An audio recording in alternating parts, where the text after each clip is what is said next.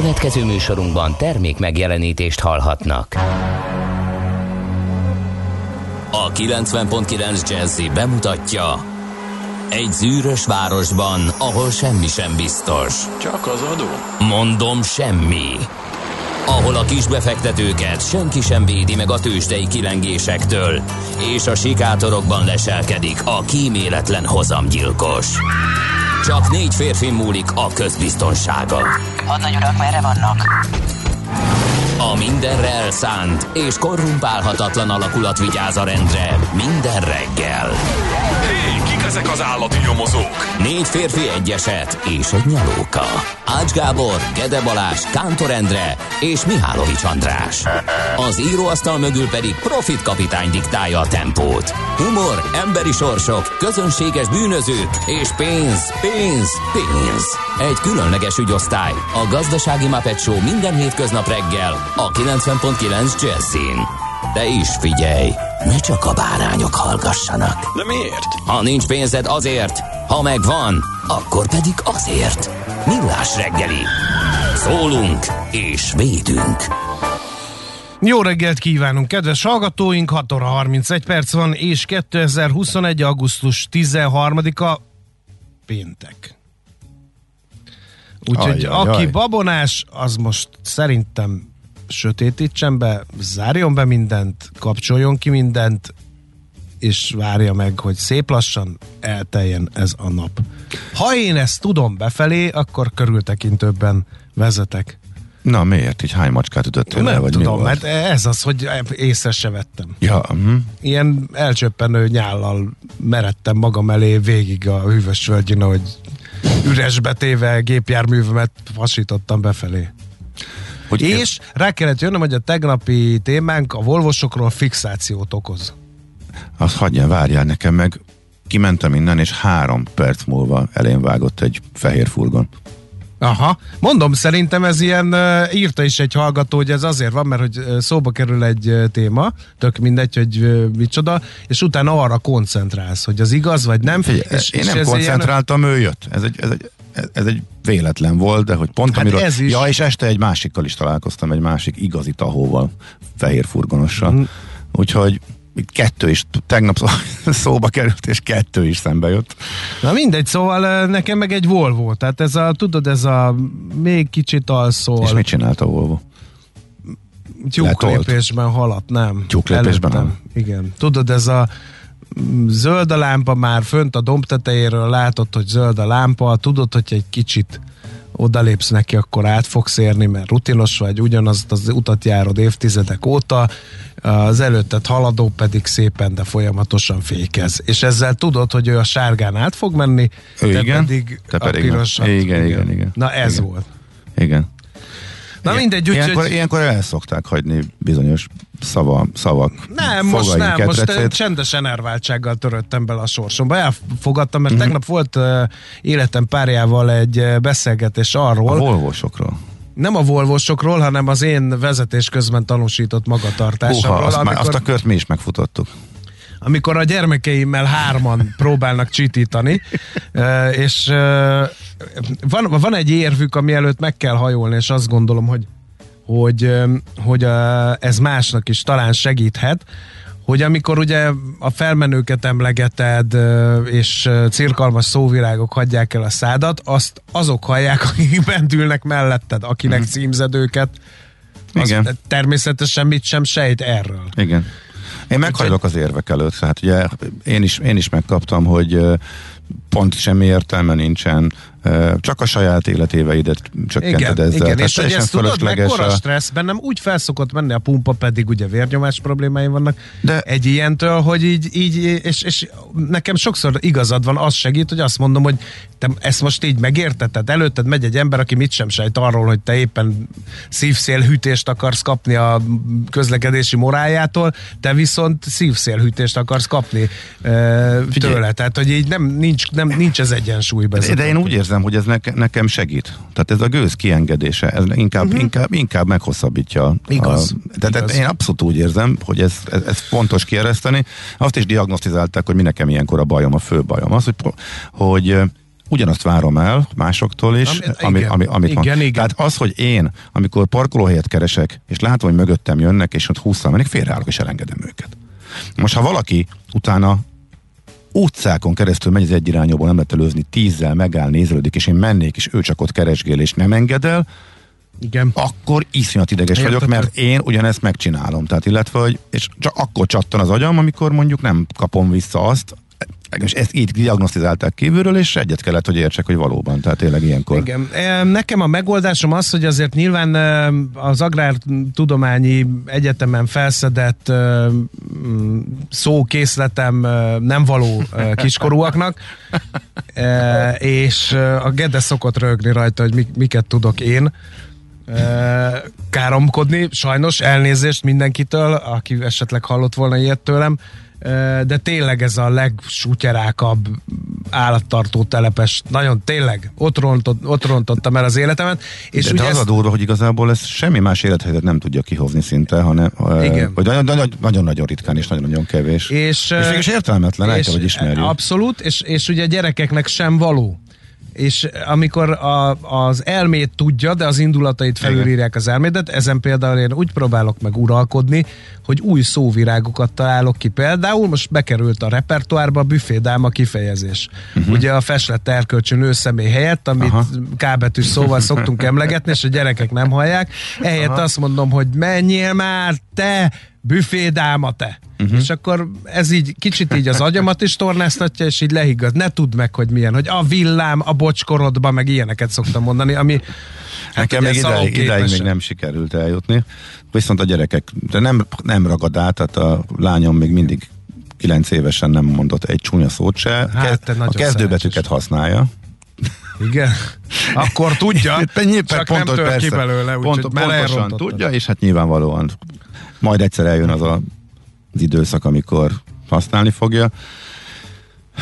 De De Hát, reméljük elné- minél később, mert egy hölgynél én is Igen. ezen gondolkodom, hogyha az én lányaim ezt így magukba szívva eltárolták, és majd egyszer Nézd. eh, nagykorúként kijön belőlük, amit az apujuktól tanultak, azt pironkodni fogok. Ugye nincs nagy különbség a között, amit az apjuktól látnak, meg amit bárhol meghallanak. Tehát nem, ettől fog, nem ezen fog eldőlni, hogy milyen sűrűn használják, hogy meg milyen szókészletük Igen. lesz. Na jó, fejbe úgy belemerültünk, hogy igen. azért még bemutatkozni is Ja, elfelejtettünk. igen, a szerintem. mikrofonoknál Ács Gábor. És Mihálovics András. Isten éltesse az ipolyokat és a vitáliákat a nevük napja alkalmából, illetve nézzük a születésnaposok, mivel büszkélkedhetnek ma, ugye akik uh, augusztus 13-án születtek. Mondjuk 1961-ben uh, történt ezen a napon, hogy keletnémet állampolgárok, figyeljünk a fogalmazásra, egyre fokozódó mérvű elvándorlása miatt Berlinben az NDK hatóságai nagy létszámú csapatokkal lezárták a város nyugati szektorainak az NDK-val érintkező korábban nyitott határvonalát. Mindenhol az árás vonala mentén előbb drótakadályokból, később egyre összetettebb műszaki megoldásokból kiépítették a vasfüggöny legismertebb objektumát, a berlini falat. Tehát elkezdték építeni a berlini falat pont ha jól számolom, mennyi? 70 évvel ezelőtt? Nem vagyok egy felszámoló művész. És 28 éven át vágta ketté.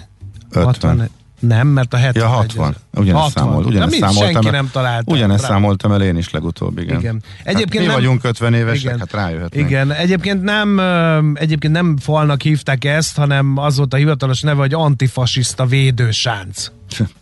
Na, ugye mi más lehetett volna, igen. Képzeld el, hogyha a Pink Floyd is ezzel a címmel írta volna meg Igen. a lemezét. Milyen nehéz lenne ki dalolni a refrént, hogy antifasiszta védősánc.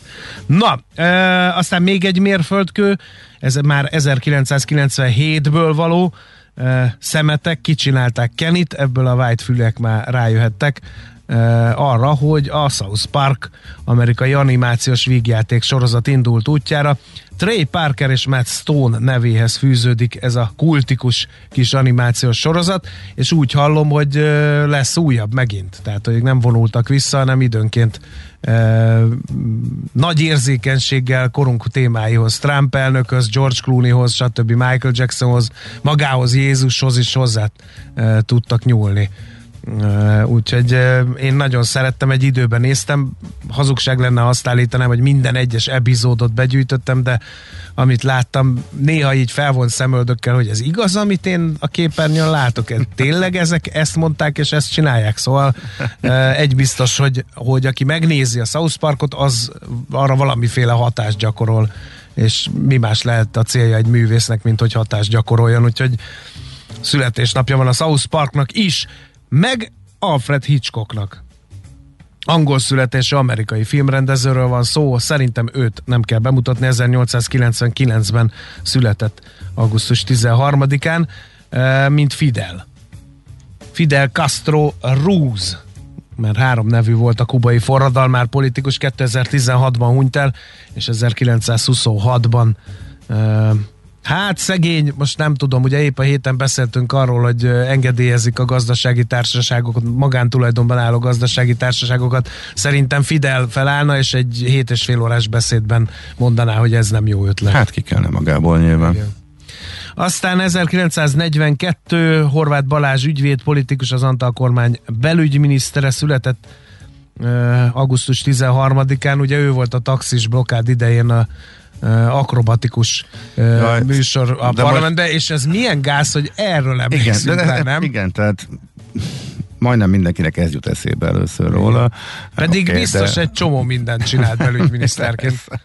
Van, tehát a rendszerváltás belügyminisztere, kérem szépen. Helyett az az ember, aki plegykák szerint bizonyos Tudatmódosító és tudatmódosítók feszültségoldó feszültség igen. hatására imbolygott az ablakban. Igen. De valaki fogta a térdénél, az megvan? Hát nyilván, persze, tehát azért miniszterre vigyázni kellene, hogy baleset Igen. igen. érje, tehát igen. Én Philip Pöti, francia artistát nem ismertem. Úgyhogy köszi, hogy beírtad az adásmenetbe. Hát ő volt az, aki 1974-ben a World Trade Center két tornya között illegális drótkötél mutatványt gondolom átsétált rajta, nem? igen. Hogy lehet ezt illegálisan? Tehát oda, Hát engedély kell minden ilyen. én azt tudom. Fölmész, kifeszíted és át. Hát de ho, most ezt mondod, hogy föl, a világ akkori talán legmagasabb épületeiről van szó. Tehát nem tűnt fel senkinek, hogy megy egy fószer 70 méter, vagy nem tudom én hány méter. Hát de hogy nem, de akkor már késő volt, tehát akkor már nem, nem, nem, nem, megy- nem fönt, hanem viszi föl az épületbe. Először az egyikbe, vagy, és nem vették észre egy ilyen kábel kilövő puskával, vagy nem tudom én, mivel átlövi a másik. lehet az zsírozni, szerintem ez megoldható. A Biszti őrrel mondta, hogy Hát figyelj, este tízkor akkor. Ott dolgozott a csaja, mit tudom én, hát valahogy, hát, vagy Látod? valamelyik haverja. Itt tudja, elbeszélünk, hát, és a részletekben van a lényeg. Hogy oké, okay, hogy illegális, meg oké, okay, hogy kötéltáncos, de hát haló. Hát a World Trade Center tetején. Oda hogy vitte fel a drótot? Hogy rakta át? Miért nem tűnt ez fel senkinek? Biztos a korabeli sajtó megkérdezte ezeket a Rá fogok neked keresni, Nagyon ez jó. a része érdekel a Engem történetnek, csak hogy jutott be a dolonyba, és hogy tehette Igen. ezt meg. Aztán 1960-ban született Gál Gábor, a Takás Tamás Dirty Blues Band alapító tagja, gitárosa, és Kiszti Hand Trokán Nóra magyar színművésznőnek, aki 1986-ban ö, született augusztus 13-án, és a balkezeseknek külön üdvözletünket küldjük, ugyanis világnapjuk van.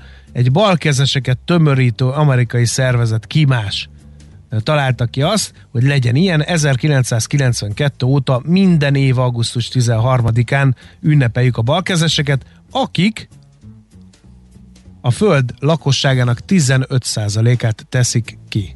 Állítólag. Becslések szerint. Becslések Tegye szerint. fel a kezét, aki balkezes. Nem tudom.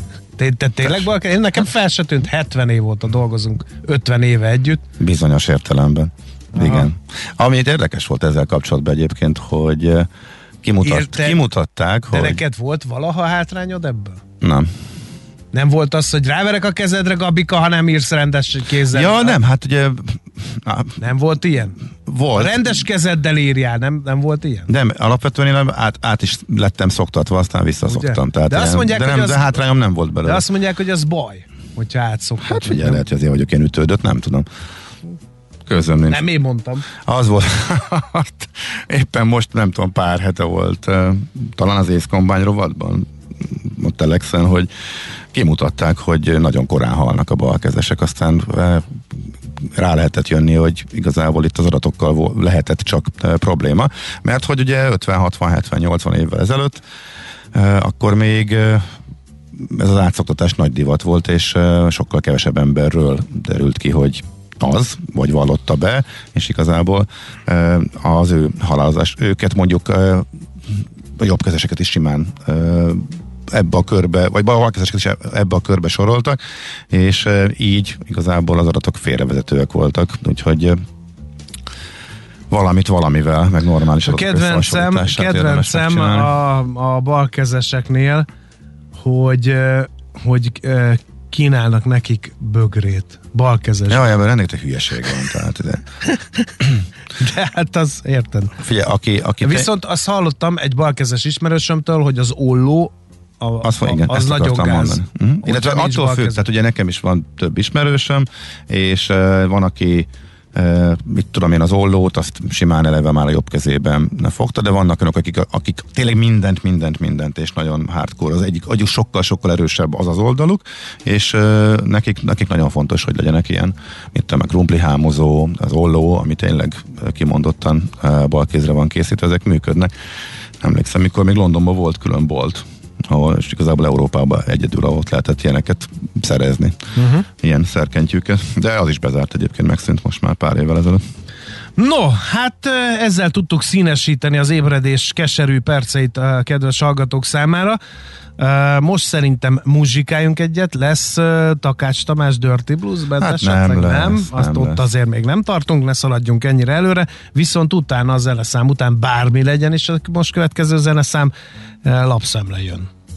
Óriási oknyomozó újságírói teljesítmény, követően közzé tesszük, hogy a kötéltáncos csávó hogy jutott be a World Trade Centerbe. Köszönjük Zsoc kollégának a lelkismeretes munkáját. Hosszú ideig figyelték, hogy hogy építik magát a World Trade Center-t kötéltáncoség. Az utolsó fázist. A gyakorláshoz elkészítette a tornyok méretarányos makettjét, igazolványokat és más iratokat hamisított a bejutáshoz.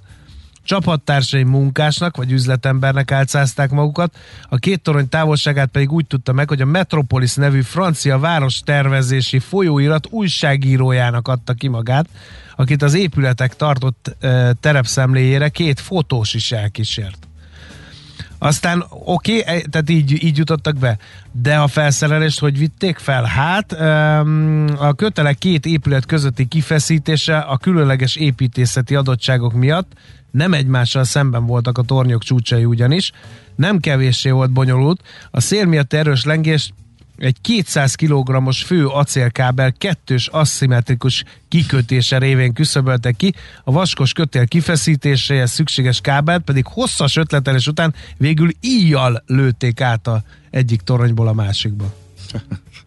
Hát mondd meg, mi energiát és fineszt vittek ebbe a kis mutatványba. Mondjuk világhírű lett a csávó, mert mi most beszélünk róla, és ha ezt nem tette volna, meg szerintem nem tudnánk róla, hogy ő ez volt. Na, ez még persze nem alapszemle, drága hallgatók. Azt nagyon Az majd most jön.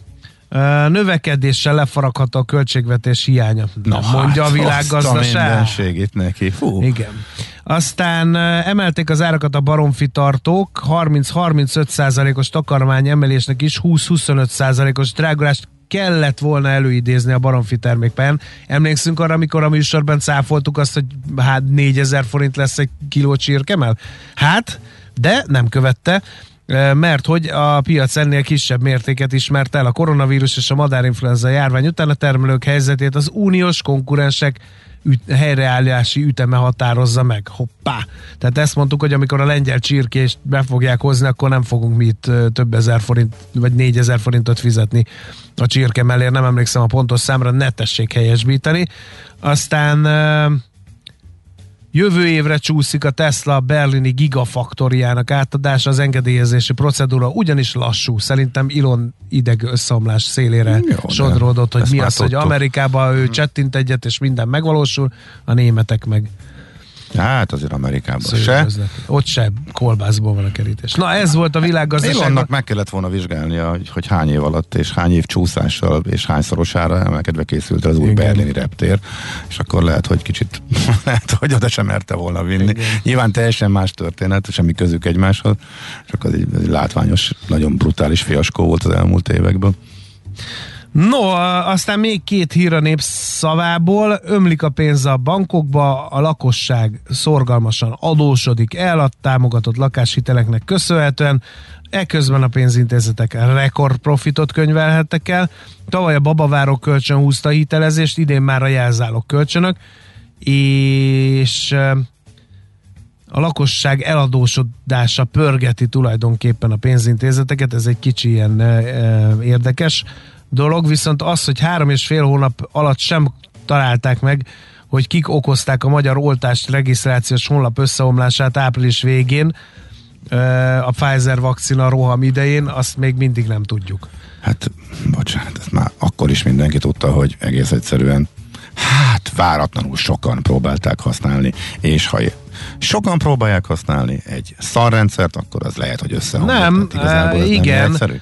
De a, a probléma az, hogy az operatív törzs hivatalos álláspontja szerint terheléses támadás történt. Tudjuk. Ez De nem a lakosság részéről. A terheléses támadás az kicsit másám, mint hogyha egyszerre sokan. Az, ö, az, egy, az ilyen zombi hálózatról ö, nyomják be, tehát az, az nagyon másképp néz ki, amikor sokan próbálnak regisztrálni, meg amikor ö, még Én ezt pontosan rá- értem, de azért kérdeztünk meg erről szakértőt. És azt mondja, hogy no. Aki azt mondta, hogy hát ez inkább egy kommunikációs panel, kérem szépen. Na, Tehát- akkor ennyi. Mhm. Tehát akkor De- valószínűleg ö, további de- három és fél hónap múlva sem fogjuk Persze, hogy tudni. nem fogjuk meg. Illetve én nagyon-nagyon itt, és bármit kérhetnek tőlem a hallgatók, hogy mit fogok itt elvégezni. Kérjétek azt, hogy jöjjön el gladiátor edzés. Ja, nem, azt az egyet nem. Hogyha, Nincs, véle, mondtad, hogyha hogy véletlenül kiderül a, a gaz nemzetközi vagy bármilyen összeesküvés elmélet meg a hekkerek, akik azon szórakoztak, nem pedig az derült ki, hogy az emberek oltást akartak, és egyszerre mentek rá az oldalra. Na, úgyhogy vicces lenne, hogy tényleg ebből bár, meglep, meglepődnék, hogyha ebből bármi más derül neki. Ijesztően- nekem nálam ennyi volt. jó, és akkor gyorsan címszavakban, mert elment az időnk, úgyhogy már a következő zenét ugorjuk, és szerintem ijesztően gyors lehet a, a klímaváltozás, eh, úgyhogy a, portfólió ezzel eh, foglalkozik, ezzel mi is fogunk egyébként, mert egy egészen brutális eh, elemzés jött ki ezzel kapcsolatosan, illetve több is az elmúlt napokban, úgyhogy a jövő héten mindenképpen visszatérünk rá. Napi.hu a Wood Mackenzie energetikai tanácsadó cég friss ele- jelentéséből idéz az olcsó áram jelentős drágulással jár címmel. Ez arról szól, hogy a megújulókra való áttérés az nagymértékben, annak van egy hát idézőben mondom, mellékhatás, hogy a nem nemes fémek iránti keresletet nagyon durván meg fogja tudni em, emelni. Megneveztek három fémet, amelyiknek ezért az ára is valószínűleg fölfele fog menni. Alumínium, réz, cink, eh, amelyek elterjedt ipari fémek, rengeteg helyen használják, sörös dobozoktól okostelefonokig, úgyhogy ebben azért nagyjából következik, hogy ezeknek az áraival mi várható, hogy történik majd a következő időszakban. 24.hu ö, oltási, heti oltásos összefoglalójuk a most a vezető. Az, hogy tehát az, hogy már nem, a, nem a, mi vagyunk az éllovasok, és amit itt hónapokon keresztül ment, ugye a Azt óriási nehezen tudják. izé, propaganda, Igen. hogy ú, világ első, Európa elsők vagyunk, ugye átoltottságban, az hirtelen nyilván eltűnt, amikor megelőzött bennünket mindenki, de hogy már a vertmezőnyben lettünk ilyen gyorsan, azt, azt, azt nem uh-huh. gondoltam, mert nem figyeltem. De 18. helyen állunk Európa, és az európai átlagtól is messze elmaradva, tehát lényegében leállt onnantól kezdve, hogy, Hogy aki akarta, igen. megkapta, hogy nagyon Igen. sokan nem akarják, igazából nagy kampány nincsen rájuk. Várjál, viszont az érdekes, hogy én mellé raktam, mert tegnap este pont megnéztem az aktuális helyzetet. És az éllovasokban pont rossz a helyzet. A pont a átoltottságban a legelőrébb járó országokban durrant be éppen a negyedik hullám, vagy az ötödik néhol. Ez tök érdekes egyébként, hogy például Izlandon vagy, vagy Máltán, akik ott voltak, eh, ok, kis országok persze, de vannak köztük nagyobbak is, Írország, eh, Portugália, kimondottan rosszul álltak az elmúlt időszakban, Úgyhogy ha ez, ez az első oltást tekintjük, hogyha a másodikat, akkor szintén Málta, Belgium, ott is uh, rossz a helyzet, és uh, akik meg a legkevésbé foglalkoztak ezzel, vagy a legkevésbé tudtak lépést tartani, ők pedig nagyjából az zöld a legtisztábbak. Uh-huh. Tehát Románia, Lettország, na Bulgária a kivétel, mert ott éppen az elmúlt egy hétben elkezdett meredeken fölfele menni, úgyhogy Na. Érdekes, hogy nincs összefüggés, vagy, vagy, vagy, vagy nem tudom. Mondjunk vagy, tőzsdét, vagy, el az emberek, az adatok. Vagy, hogy nem, igen. Jó, na, jó, légy okay, jó, várjál, de még az egy kis tevékenységet kell, hogy végezzek. És most. Hol zárt? Hol nyit? Mi a sztori? Mit mutat a csárt? Piacok, árfolyamok, forgalom a világ vezető parketjein és Budapesten. Tősdei helyzetkép következik. A negatív tartományban stagnált a Bux 50.289 ponton. Egyedül a Telekom produkált érezhető elmozdulást 1% fölött, itt 435 forinton zárt. A MOL az 0,6%-ot esett 2430-on, a OTP 16.600 65 ponton stagnált, de ő is a pozitív tartományban. A Richter eh, is ugyanezt tette, 8735 forintos záróértéke 0,1%-os plusz, az OTP plusz még ezt sem érte el. Az alsó házban azért eh, jobb volt a helyzet, a Waberers ugye milyen marha jól indult, beszámoltunk róla tegnap Búró Szilárddal, a vége már nem lett ilyen szép profit realizálás volt, 2,7%-os mínusszal fejezte be a kereskedési napját, és a Master Plus is esett ugyanennyit, ott 4620 forint lett az áraérték, a Wabererszéknél meg 2520. Nézek értelmezhető forgalomban elmozdulásokat, de ilyenekről nem nagyon tudok számot adni azokon kívül, amit már elmondtam, úgyhogy tiéd a pálya, Gábor. Azt mondja, hogy egy plusz nulla volt Amerikában, úgyhogy hát túlságosan sok, az árral. Ja, sok Mi mínusz nullába. nem érdemel az előző napoknak a rotációja után egy kicsit visszajött a technológia, tehát eh, semmi változás abban, hogy irgalmatlan pénzek vannak, ide-oda rotálnak, de összességében, ha az egészet nézed, akkor még mindig fölfelé. Tehát eh, az, hogy vannak olyan napok, amikor az egyik rész emelkedik, a másik rész meg egy kicsit csökken, akkor is az átlagban inkább fölfelé van, csúcson vagyunk, minden másnap dőlnek a rekordok, semmi változás nincsen ebben. Most sem. Annyi volt tegnap az izgalom, hogy a technológia jól teljesítette, és a zászlós hajók, tehát Apple, Microsoft húzta ezeket a papírokat. Uh-huh. Volt nyilván, akinek rossz jelentése volt, vagy leminősítették, az trenddel szemben mozgott. Micron volt például ilyen a csipgyártók között, de olyan túlságosan sok izgalom nem volt Amerikában. Ismét egy kis emelkedés. Tőzsdei helyzetkép hangzott el a Millás reggeliben. Így a nagy hírcunamiban elbújt, de figyeljünk oda egy nagyon érdekes hírre. Nem nagyon írtak róla, de én azért militaristaként figyelem az ilyen híreket, és az egész világot megdöbbentette, amikor Vladimir Putyin előállt a hiperszónikus fegyverekkel. Hogy nekik van ilyen, mert uh-huh. hogy az amerikai védelmi rendszerek erre nincsenek felkészülve, ez ilyen írdatlan nagy sebességgel közlekedő rakétákat, amit észlelnek, addigra már ez nagyjából be is csapódik, tehát nagyon nehéz ellenük védekezni, mondjuk hajók ellen is bevethető, meg stb. Tehát azért itt az amerikai anyahajó flottára ez elég veszélyes dolog. És hát a világ megdöbbent ezen, nincs ellene védelem, és akkor ezt kapcsoljuk össze a következő hírrel. Hazaárulás miatt őrizetbe vették a hiperszonikus rendszerek tudományos kutatói vállalatának vezérigazgatóját és főkonstruktőrét Oroszországban. Uh-huh. Ennyi szép kis kém sztori történik. Uh, ugye volt az, amikor az amerikai atomtitkot átadták az oroszoknak, hogy legyen egyensúly a világban, valami e, ilyesmi történhetett szerintem most is. Na, hírek jöhetnek? Jöhet. Tari Ibolyától. Műsorunkban termék megjelenítést hallhattak. A reggeli rohanásban könnyű szemtől szembe kerülni egy túl szépnek tűnő ajánlattal. Az eredmény krétával körberajzolt tetemes összeg. A tethelyen a gazdasági helyszínelők, a ravasz, az agy és két füles csésze és fejvállalakzat. A lehetetlen küldetés megfejteni a Fibonacci kódot. A jutalom egy bögre rossz kávé és egy olyan hozamgörbe, amilyet még Alonso Mózli sem látott. Millás reggeli, a 90.9 Jazzy Rádió gazdasági mapetsója. Vigyázat! Van rá engedélyünk! Jó reggelt kívánunk, kedves hallgatóink! 7 óra 11-es perc van, és 2021. augusztus 13-át pénteket írunk.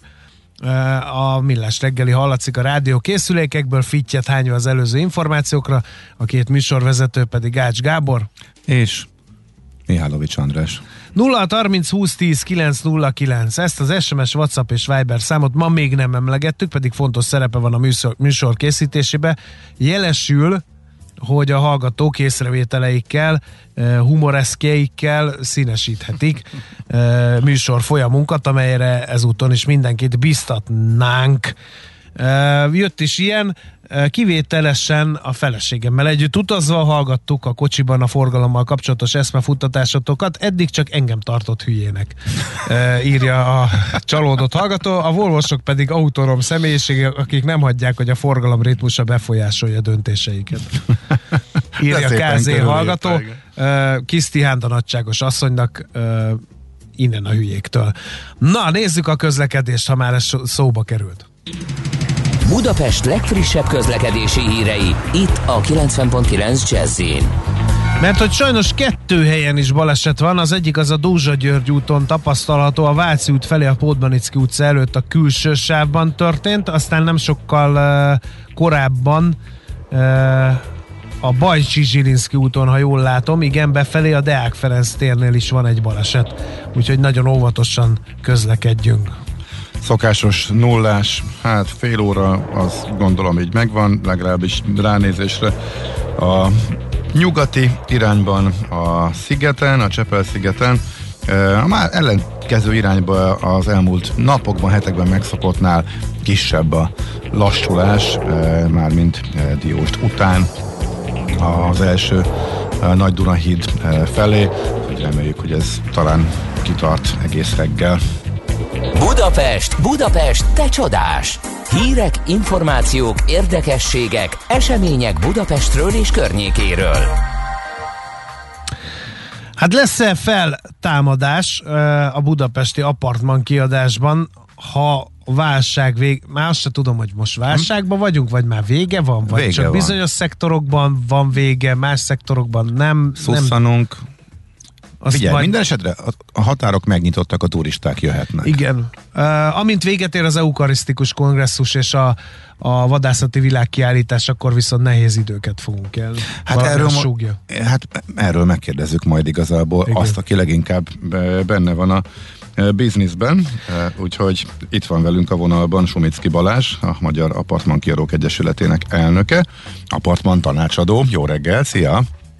Jó reggelt kívánok, sziasztok, köszöntöm a kedves hallgatókat. Meddig tartott az, amíg senki nem volt, és igazából, illetve csak a dilemma, hogy aki a rövid távú apartman kiadással a turistákra szakosodva foglalkozott, átálljon a hosszú távúra, illetve mi a helyzet most? Hát mennyire, mennyire sikerült fölpörögni, és mennyien álltak át? Azért hívtunk, mert két riasztó hír is volt. Az egyik az arról cikkezett a sajtó, hogy dübörög a turizmus vidéken. A fővárosi szállodák továbbra is szenvednek. Erről tovább gondoltunk, hogy akkor biztos az apartmanok után sem kapkodnak a vendégek. A másik pedig, hogy egy ingatlan közvetítő cég kitette, hogy elment szabadságra az ingatlan piac. Két dolgot keresnek. Az egyik a vevői oldalon a nyaralók, a másik az eladói oldalon a befektetési célú lakásvásárlók elkezdték kiárulni a lakásaikat. Arra gondoltunk, hogy ezek egy jó része szintén rövid távú kiadásra uh-huh. vett lakást. Na, mit látsz a terepen? Mik a számok? Ehhez Igen. képest hogy a bozótban mi uh-huh. zajlik? Hát ez most úgy néz ki, hogy a, a válság előtt a csúcs évben olyan 16 ezer magán és egyéb szállásai, vagy egy kiadó apartman volt más néven Budapesten, jelenleg ez olyan 6 ezer környékére olvadt. Tehát eltűnt a piacnak bőven több, mint a, uh-huh. a fele. Igen, Aha. igen, majdnem a kétharmada.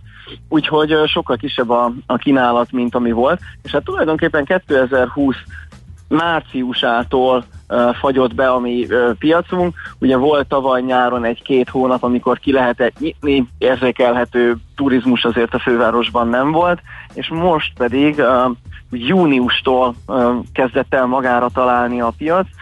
Azért mondom, hogy kezdett el, és nem felrobbant, mert igaz, hogy a határok nyitva voltak, de azért voltak utazási korlátozások, hiszen ugye a nem csak beoltottak jöhetnek, vagy jöhettek, azért a légi közlekedés azért még nem állt úgy helyre, úgyhogy a futball Európa bajnokságnak a, a sikeres megrendezése azért egy óriási lökést adott nekünk a foglaltságokban.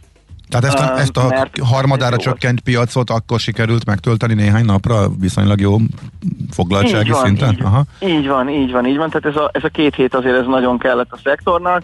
A július uh, szerintem az egy kicsit, vagy, nálunk az egy kicsit azért gyengébb volt, ott nem voltak ilyen jellegű ö, attrakciók, meg szerintem aki tudott, az ment ki a tengerpartra ö, nyaralni, nem feltétlenül városlátogatásra jött.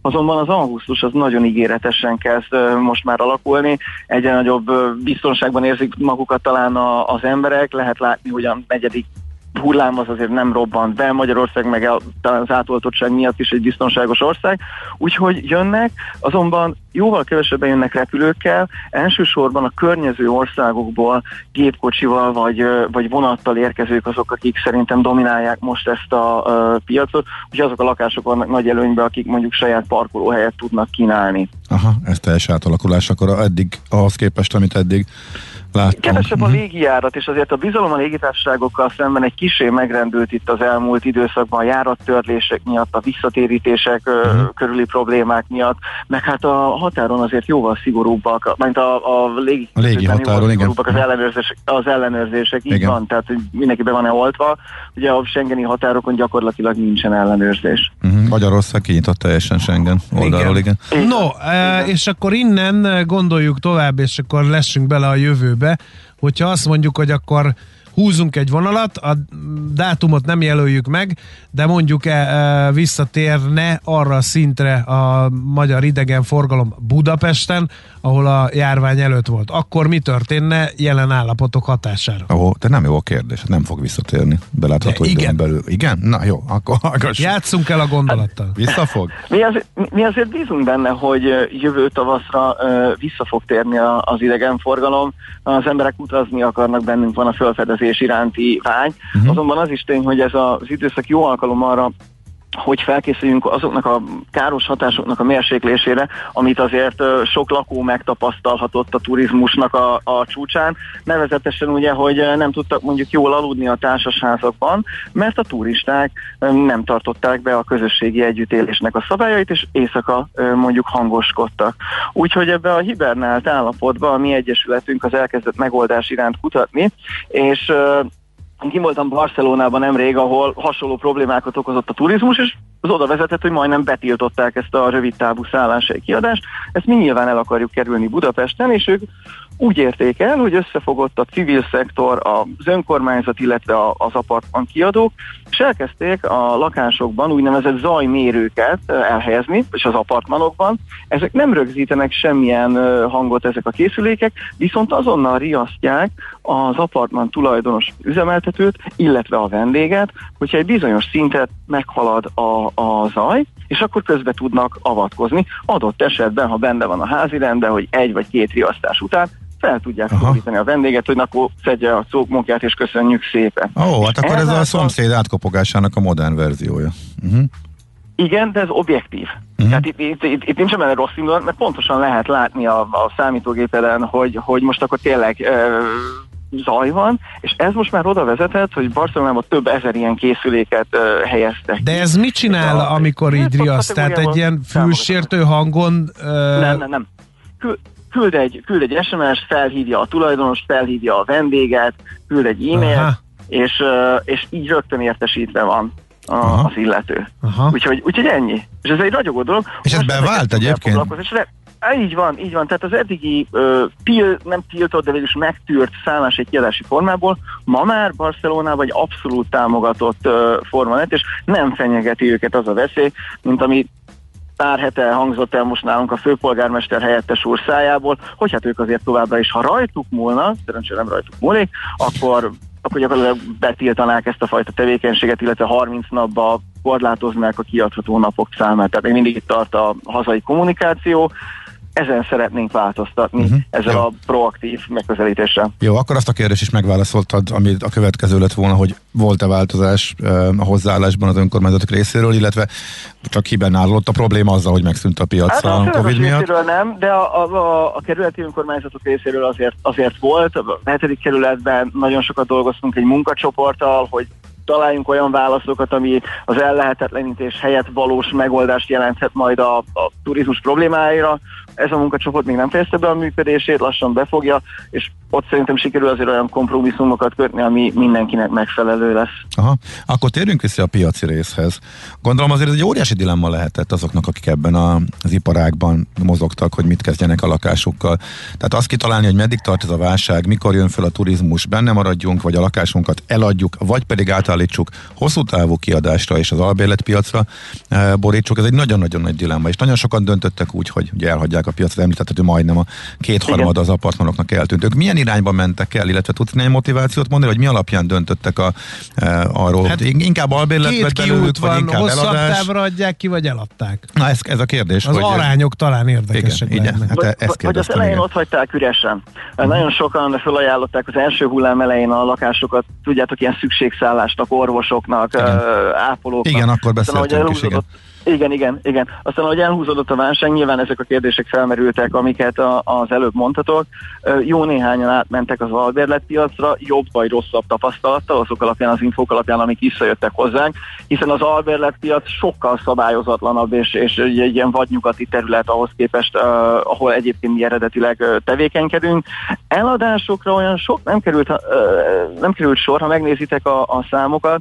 Egyrészt nem is nagyon volt kereslet hiszen azért az árak igen magasak a fővárosban is, és nem mert senki beruházni, mert, mert, mert nem tudott megtérüléssel számolni, ha csak nem saját célra, saját használatra vett valaki lakást. Uh, úgyhogy sokan üresen hagyták a lakásokat, nincsen hasznosítva, megkímélik magukat a stressztől, az amortizációtól, amit egy hosszú távú albérlet jelent, többen meg az albérletet választották, de hogy, uh, hogy a pontos számok mit, ezt nem nagyon lehet mondani, megmondani, mert az albérletekre vonatkozóan gyakorlatilag nincsen statisztika. Aha, tényleg. Ez annyira egy szürke zóna. És akkor személyesen neked ez dilemma volt? Vagy te csökkentetted a portfóliódat? Vagy nálad ez hogy Hát csapódott? sajnos le? nálunk is csökkent a, a, a portfólió, mint, mint a piac uh, zömének, hiszen nekünk is voltak ügyfelek, akik azt mondták, hát, hogy nem, nem tudnak várni, valamit kell kezdeni a, a lakásukkal. A mi stratégiánk az a középtávú kiadás volt, és ebben egyébként nagyon sikeresek voltunk, hála a jó Istennek. Ez azt jelenti, hogy uh, igyekeztünk megtalálni azt a, azokat az embereket, akik ilyen egy-három hónapra jönnek Budapestre. Ezek lehetnek menedzserek, lehetnek diákok, lehetnek művészek, és akkor ők vették ki a lakásokat gyakorlatilag albérlet körüli ö, áron, Ö, de így legalább meg teli voltunk, és, és volt forgalmunk, és fent tudtuk tartani az operációt. Ez a mostani uh, lakásszám, illetve apartman szám, ez a, a nagy csökkenés után, ez szerinted milyen irányba mehet a következő időszakban? Nyilván ez is Covid függő, hova fut ki a járvány, stb. turizmus hogyan indul be, de te úgy most mégis mit érzelmire számítasz? A, az emberek elkezdtek bizakodni. Én azt gondolom, hogy ö, miután hallják, látják, hogy azért júniusban megjelent a külföldi szó Budapesten, szépen lassan elkezdenek majd visszatérni a piacra, azzal együtt, hogy rendkívül bizonytalan, ahogy ti is mondtátok a felkonfban, hogy mondjuk az eukarisztikus világkongresszus után, tehát egy erős szeptember után mi várható, hogyha jön a negyedik hullám, és valószínűleg jönni fog, akkor milyen lezárások lesznek, nem is feltétlen Magyarországon, hanem a mi küldőpiacainkon, ahol rosszabb az átoltottsági mutató, meg fogják engedni a kormányok, hogy elutazzanak-e hozzánk az emberek, illetve megengedi -e Magyarország, hogy beutazzanak uh, hozzánk. Tehát a, szerintem a, a egészen március-áprilisig, a hagyományos szezon kezdetig uh, egy lassú növekedés várható, vagy stagnálás, és utána meg az akkori hírek függvényében fognak el, eldönteni a lakástulajdonosok, hogy mit kezdenek az ingatlanjaikkal. Uh, úgyhogy most egy ilyen bizonytalanság van, csak reménykedünk abban, hogy lassan magunk mögött hagyjuk ezt a borzadályt. Tehát az újabb döntési helyzet az inkább az év elején lesz, a nyári kilátások függvényében. Ugye, hogy a lakásokkal mit kezdjenek a tulajdonosok? I- igen, azzal együtt, hogy nyilván ahol albérlet van, ott meg kell nézni a szerződést, hogy milyen feltételekkel lehet adott esetben azt befejezni, vagy mikor fut ki, hogyha határozott időre kötötték. Tehát azért ez, ez egy fontos tényező lesz. Az a modell működik, utol, utolsó kérdés, hogy akkor diákoknak júniusig, nyáron pedig várjuk a turistákat, vagy ehhez mondjuk nem alkalmasak lakások mindegyik erre. Hát azért ez a modell így nem, nem feltétlen működne, hogy csak diákoknak adott ki a, a lakásokat, ráadásul ott azért sokan már, főleg a külföldiekről beszélünk, augusztus közepén uh, uh, megjelennek, és sokan június végéig uh, uh, maradnak az ösztöndíjuktól uh, függően, uh, és akkor gyakorlatilag marad két hónap.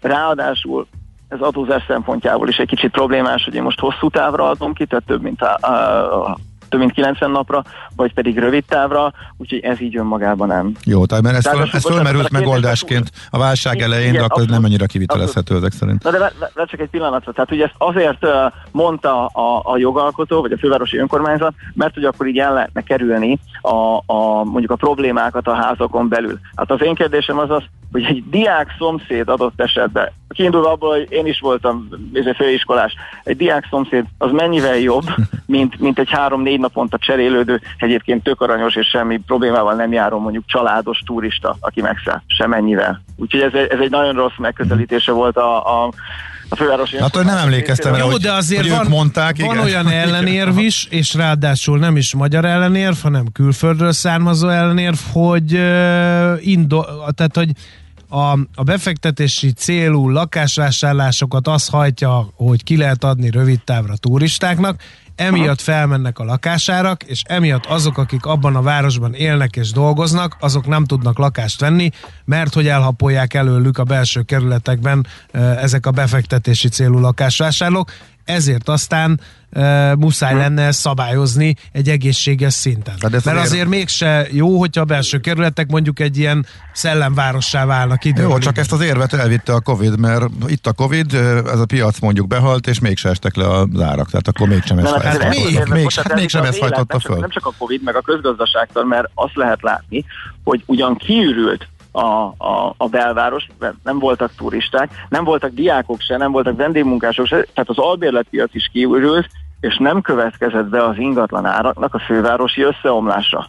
Tehát ez egy hamis érv. Az ingatlan árak, hogy miért mentek föl, ennek rengeteg összetevője van, és hogyha ezt, ettől a populista szólamtól eltekintünk, akkor azt láthatjuk, hogy azért mentek föl az ingatlan árak, mert egy, növekedtek a, kere, a keresetek, kettő, nyilván volt egy infláció, három, a lakásoknak a jó része, amiket így megvettek apartman kiadás céljából, azokat felújították, nem is kicsit. Tehát ott volt egy hatalmas érték növekmény, amit természetesen az ember egy eladáskor megpróbál ugye visszahozni. Négy, itt vannak a lakástámogat, vagy a családtámogatási ösztönzők, mint a csók, a babavállalítás, stb., amik szintén az ingatlan emelkedésébe hatottak. Szóval rengeteg olyan faktor van, és még tudnék sorolni legalább ötöt, amik ebbe a, az irányba hatottak, és most, amikor egy faktort kivontunk az egyenletből, nevezetesen a turistákat, az albérlőket, azt lehet látni, hogy érdemben nem csökkentek a, a, a piaci árak.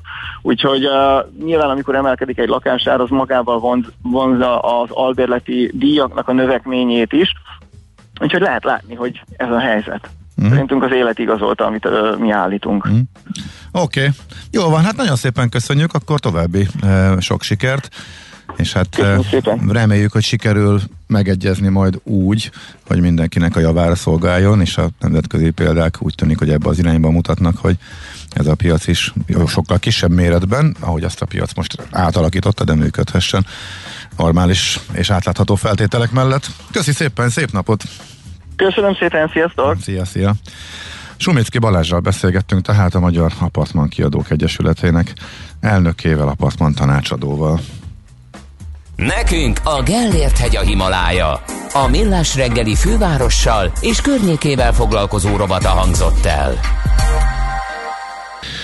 No, drága hallgatók, hát megmozgattuk a fantáziátokat az iménti beszélgetéssel. Egy hallgató elég részletesen leírja az ő észrevételeit Airbnb lakás ügyben. A kereslet szívása nem jelenti azt, hogy a kínálat változik, hosszú távú befektetés esetén nem így működik, nem elfogadható az érvelés, logikailag hibás. Lakáshoz jutni nehéz. Mármint melyik? Amit a Sumicki Balázs mondott. Már, Hát, hogy nőttek az árak akkor is, nem csuklott össze akkor is, a csok ez hajtotta, nem érvelés volt, ez, is, ez, ez így történt. de akkor a gondolatmenetet, ha Igen. végigolvasom, akkor Jó. hát a más a véleményed. Egyértelműen a csok előtt is volt emelkedés, és ezt nem lehet másra kenni, de szép próbálkozás. A csok nem azokat szolgált, akiknek szüksége volt rá, hanem azokat, akiknek addig is volt hol lakniuk, és nagyobbra cserélték a lakásukat. Egyértelműen építőipari és befektetési támogatásnak indult. Sokkal később tették lehetővé, hogy jövőképpen nem rendelkező fiataloknak, hogy hozzájussanak. Kérdezz meg egy teljes generációt, és látod, mitől van szorongásuk. A csok és a többi is emelt, és nem ez az első alkalom. A bérek nem nőttek annyival, hogy indokolja az ingatlanok drágulását, mivel hétköznapok elviszik a bérek emelkedését. Sőt, sokaknál csökkent a fizetés, csak erről nem szól a fáma, hogy a Samsung 10%-ot elvett mindenki fizurájából 2020-ban, hogy még ki tudjon tar- hogy meg tudjon tartani minden dolgozót. Senki sem a saját pénzéből gazdagodott meg, írja a hallgató. Hát ez egyrészt nem cáfolja azt, ami elhangzott, mert másról beszél, másrészt ebben azért konkrét tény, tévedések vannak. Tehát a, a bérnövekedés az az elmúlt 5-6 évben sokszorosan haladta meg az infláció mértékét.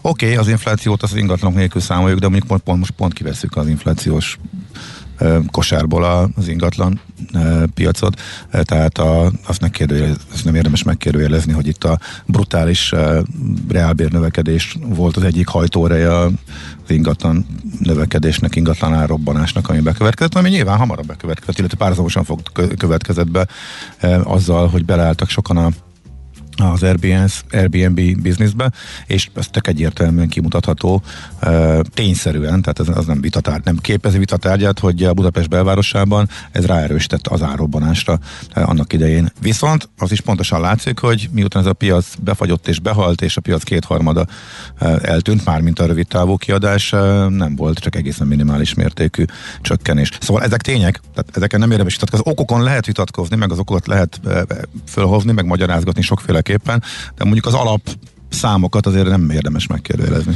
Azért kíváncsi lennék, hogy az éjszaka közepén hogy rakják ki a szállásra az öntudatos magyar autóneppert, vagy az okos tekintetű brit ifjú munkást. Hát igen, tehát az mondjuk tehát azért... Oké, hogy jelez, ahhoz, hogy hangosak vagytok, de... Ahhoz elég azért... tökösnek kell lenni oda menni. Más kérdés, hogy igen, tehát hogy, hogy a maga az apartman kiadó, vagy aki ezt intézi, tényleg oda megy az éjszaka közepén rendet tenni, és azt mondja el, hogy oké, okay, most egy percen belül kicucoltok innen, hogyha nem hagyjátok abba, és hogy ez, igen.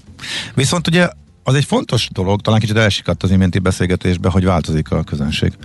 Az angolok pont eltűntek, és uh, nyilván ez bármelyik pillanatban visszafordulhat, hogyha megszűnnek majd valamikor a korlátozások, de hát az angolok veszik ezt a legszigorúbban, tehát ők gyakorlatilag nem mennek sehova, mert hogy lényegében bárhonnan hazatérve komoly tesztkötelezettség van, meg pont, pont az a réteg nem bírja ezt kifizetni, és egyáltalán nem tud utazni, amelyik a, a filléres repülőjegy, filléres sör, filléres apartman miatt mozgott a Prága-Budapest vonalon. És ha ez igaz, hogy tényleg sokkal inkább családok jönnek, és sokkal kisebb problémát okoz ez a belvárosban, én most mit nem csak kincstári optimizmusból, de azért látok reményt arra, és örülnék is neki, hogyha ebből kiegyezés lenne, és nem pedig az a durunk megoldás, hogy akkor tűnjön el az egész úgy, ahogy van, tiltsuk be. Nem tudom. Én erre, erre, erre nem venném a bátorságot, hogy állást foglaljak. Um, Miért? Mert, mert nem tudom, nekem az érzet az egy kicsit arra, az érzetem arra visz, és nem az érveim visznek arra, hogy, hogy azért én értem, hogy embereknek nagyon sok pénzük van, és azt szeretnék fialtatni. Hát nem csak ez.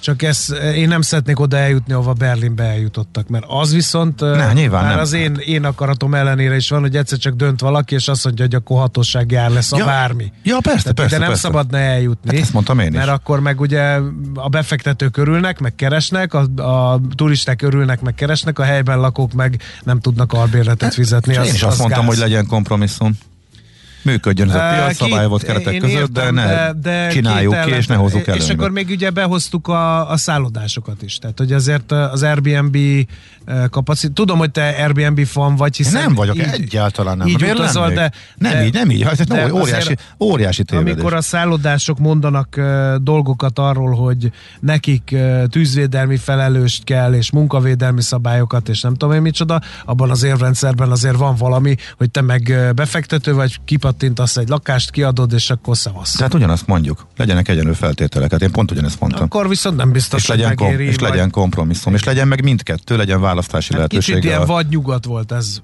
igen, idáig. Igen, de azért mondom, hogy nyilván szabályozni kell. De hát ezt az apartman kiadók sem mondják, hogy nem. Tehát ők igazából a teljes betiltás elől menekülnek, ami rájuk vetült.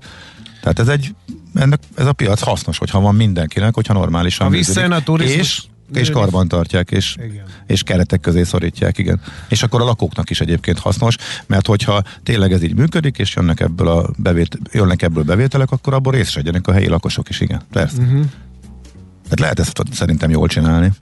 És most pont ebbe az irányba megyünk most így a válság kapcsán. Én legalábbis ezt látom, aztán lehet, hogy csak mondom, én vagyok naív. Igen. Nem tudok, nem, nem, nem tudok erre már most Elfogyott már a szó belőled. mit mondani. Én mondom, Kifogytál. uh, nem tudom, hogy ezt lehet-e. Én, én nem vagyok ennyire optimista, Jó. mint te meg a Sumicki Balázs, mert itt egymásnak ellentétes érdekű csoportokról van szó. Persze. Közös nevezőre hozni egymással ellentétes érdekű csoportokat korunk Magyarországán valóságos bűvész mutatvány, szerintem. De ez nem magyar probléma, ez a világszintű Világszintű, probléma. de nálunk a világszintnél is nehezebben szokott. De láttunk már olyat, hogy azért nálunk is a jó nemzetközi tapasztalatok azok, hogy átjönnek, és azért tud Hát legyen így, én nagyon dolgok, várom, hogy a jó nemzetközi tapasztalatok átjöjjenek a rádiózásba is.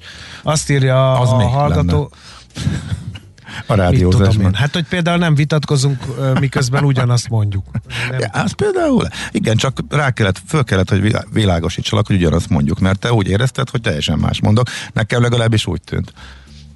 De nem, lényegében hasonlót mondtuk, csak te kevésbé hiszel abban, hogy ez megvalósulhat. Én most ennyi különbséget láttam, csak így. Gondolkodom, de ennél azért erősebb a véleményem. Na mindegy. Okés. Engedjük el ezt szerintem. Jó, gyor, menjünk gyorsan a piacok felé.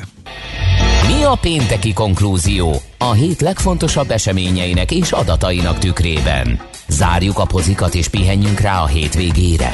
Milyen események hatnak a piacra a hétfői nyitásban? Devizák, részvények, tőke és árupiacok. Heti események és jövő heti felkészülés. Értékpercek. A millás reggeli treasury rovata következik. A vonalban itt van Varga Botond, az OTP Global Markets üzletkötője. Jó reggel, szia! Jó reggelt kívánok, sziasztok, köszöntöm a hallgatókat. Na hát milyen izgalmas devizapiaci trendeket eh, láttál a héten? És jelenleg két fontos ö, kérdés tartja folyamatos mozgásban a piacokat, nem csak a héten, hanem így egyébként is. Az egyik, hogy a tavaszi nyitástól kezdődően megfigyeltő masszív ö, gazdasági fellendülést vajon meg tudja akasztani a koronavírusnak a negyedik hulláma, amely egyre több helyen üti fel a fejét, és egyre inkább növeli az ezzel kapcsolatos félelmeket, valamint a másik pedig, hogy a globálisan megemelkedő inflációs adatok vajon átmeneti vagy tartós jelenségnek fognak-e bizonyulni, és az ezzel kapcsolatos adatokra elég érzékenyen reagálnak a piacok. Most ha így rá kanyarodunk a konkrét uh, árfolyam Igen, mert hogy azért, igen, mert hogy egyikre se kapunk, kaptunk választ a héten, és nem fogunk a jövő héten se. Viszont az adatok meg ide-oda csapkodnak, uh, amiből ezekre következtetni lehetne.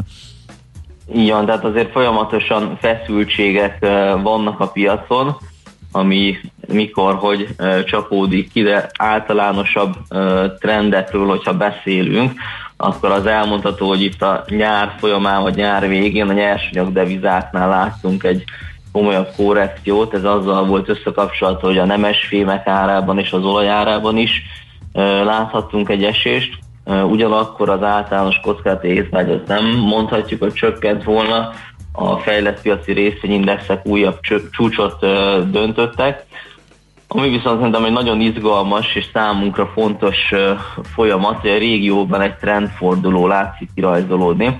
A forint árfolyama gyengülő pályáról oldalazó mozgásba vált a cseh koronával szemben, és határozottan erősödő pályára állt az lotyival szemben.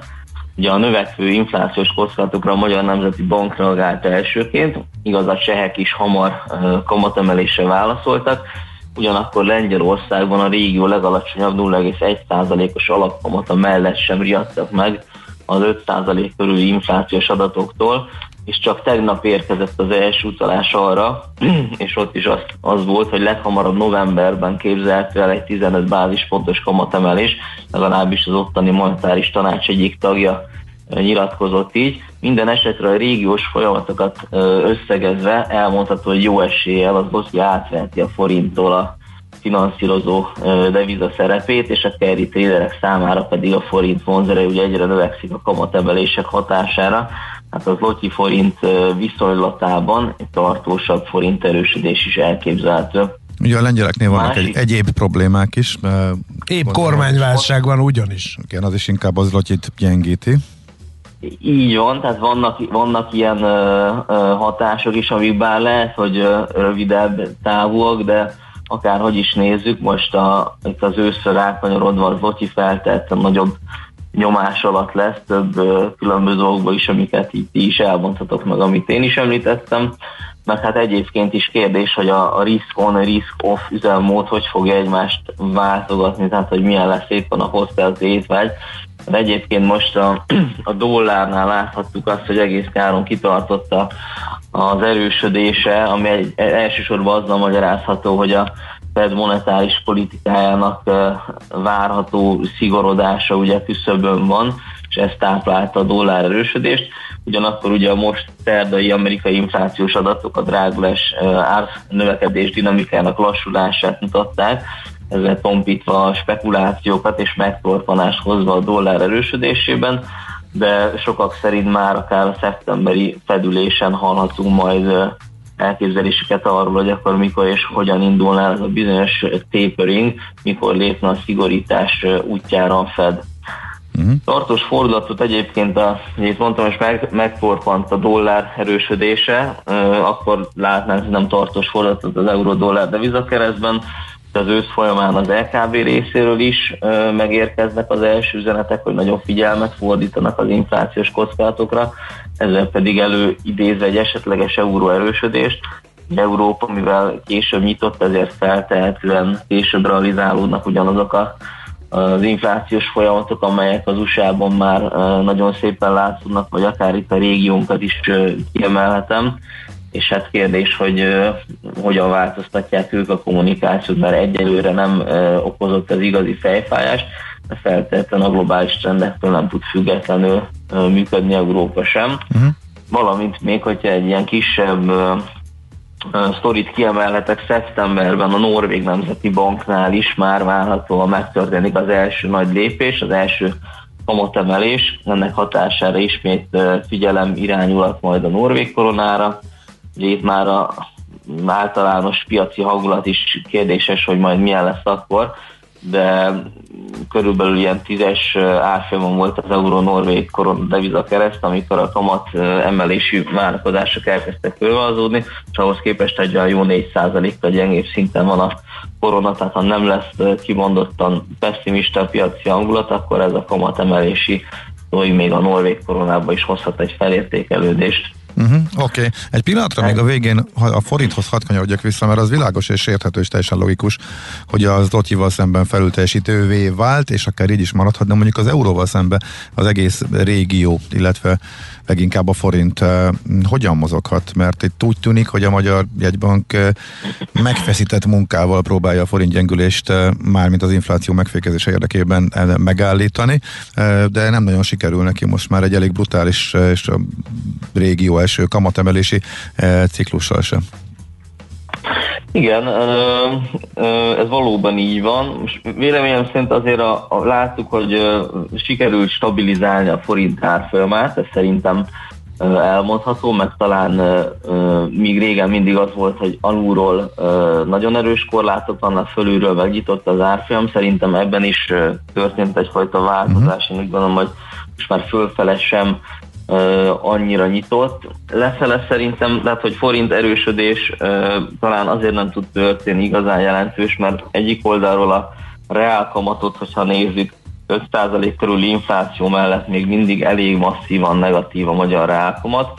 Ez az egyik tényező. A másik meg, hogy vannak kockázatok a világban, és szerintem ez az, ami fékezi azt, hogy a forint ne csak régiós viszonylatban tudjon felértékelődni, hanem hogyha mondjuk főbb devizákhoz képest nézzük, akár dollárhoz, euróhoz képest, az igazi felértékelődésnek ezek a különböző kockázatok szerintem gátat szabnak.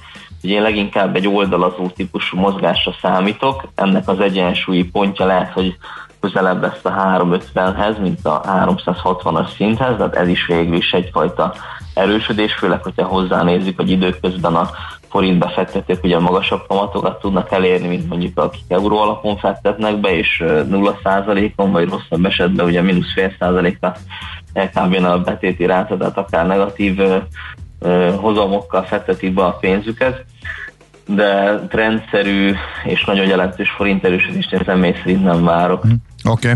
Jó van, Boton, nagyon szépen köszönjük, szép napot neked is, és jó hétvégét.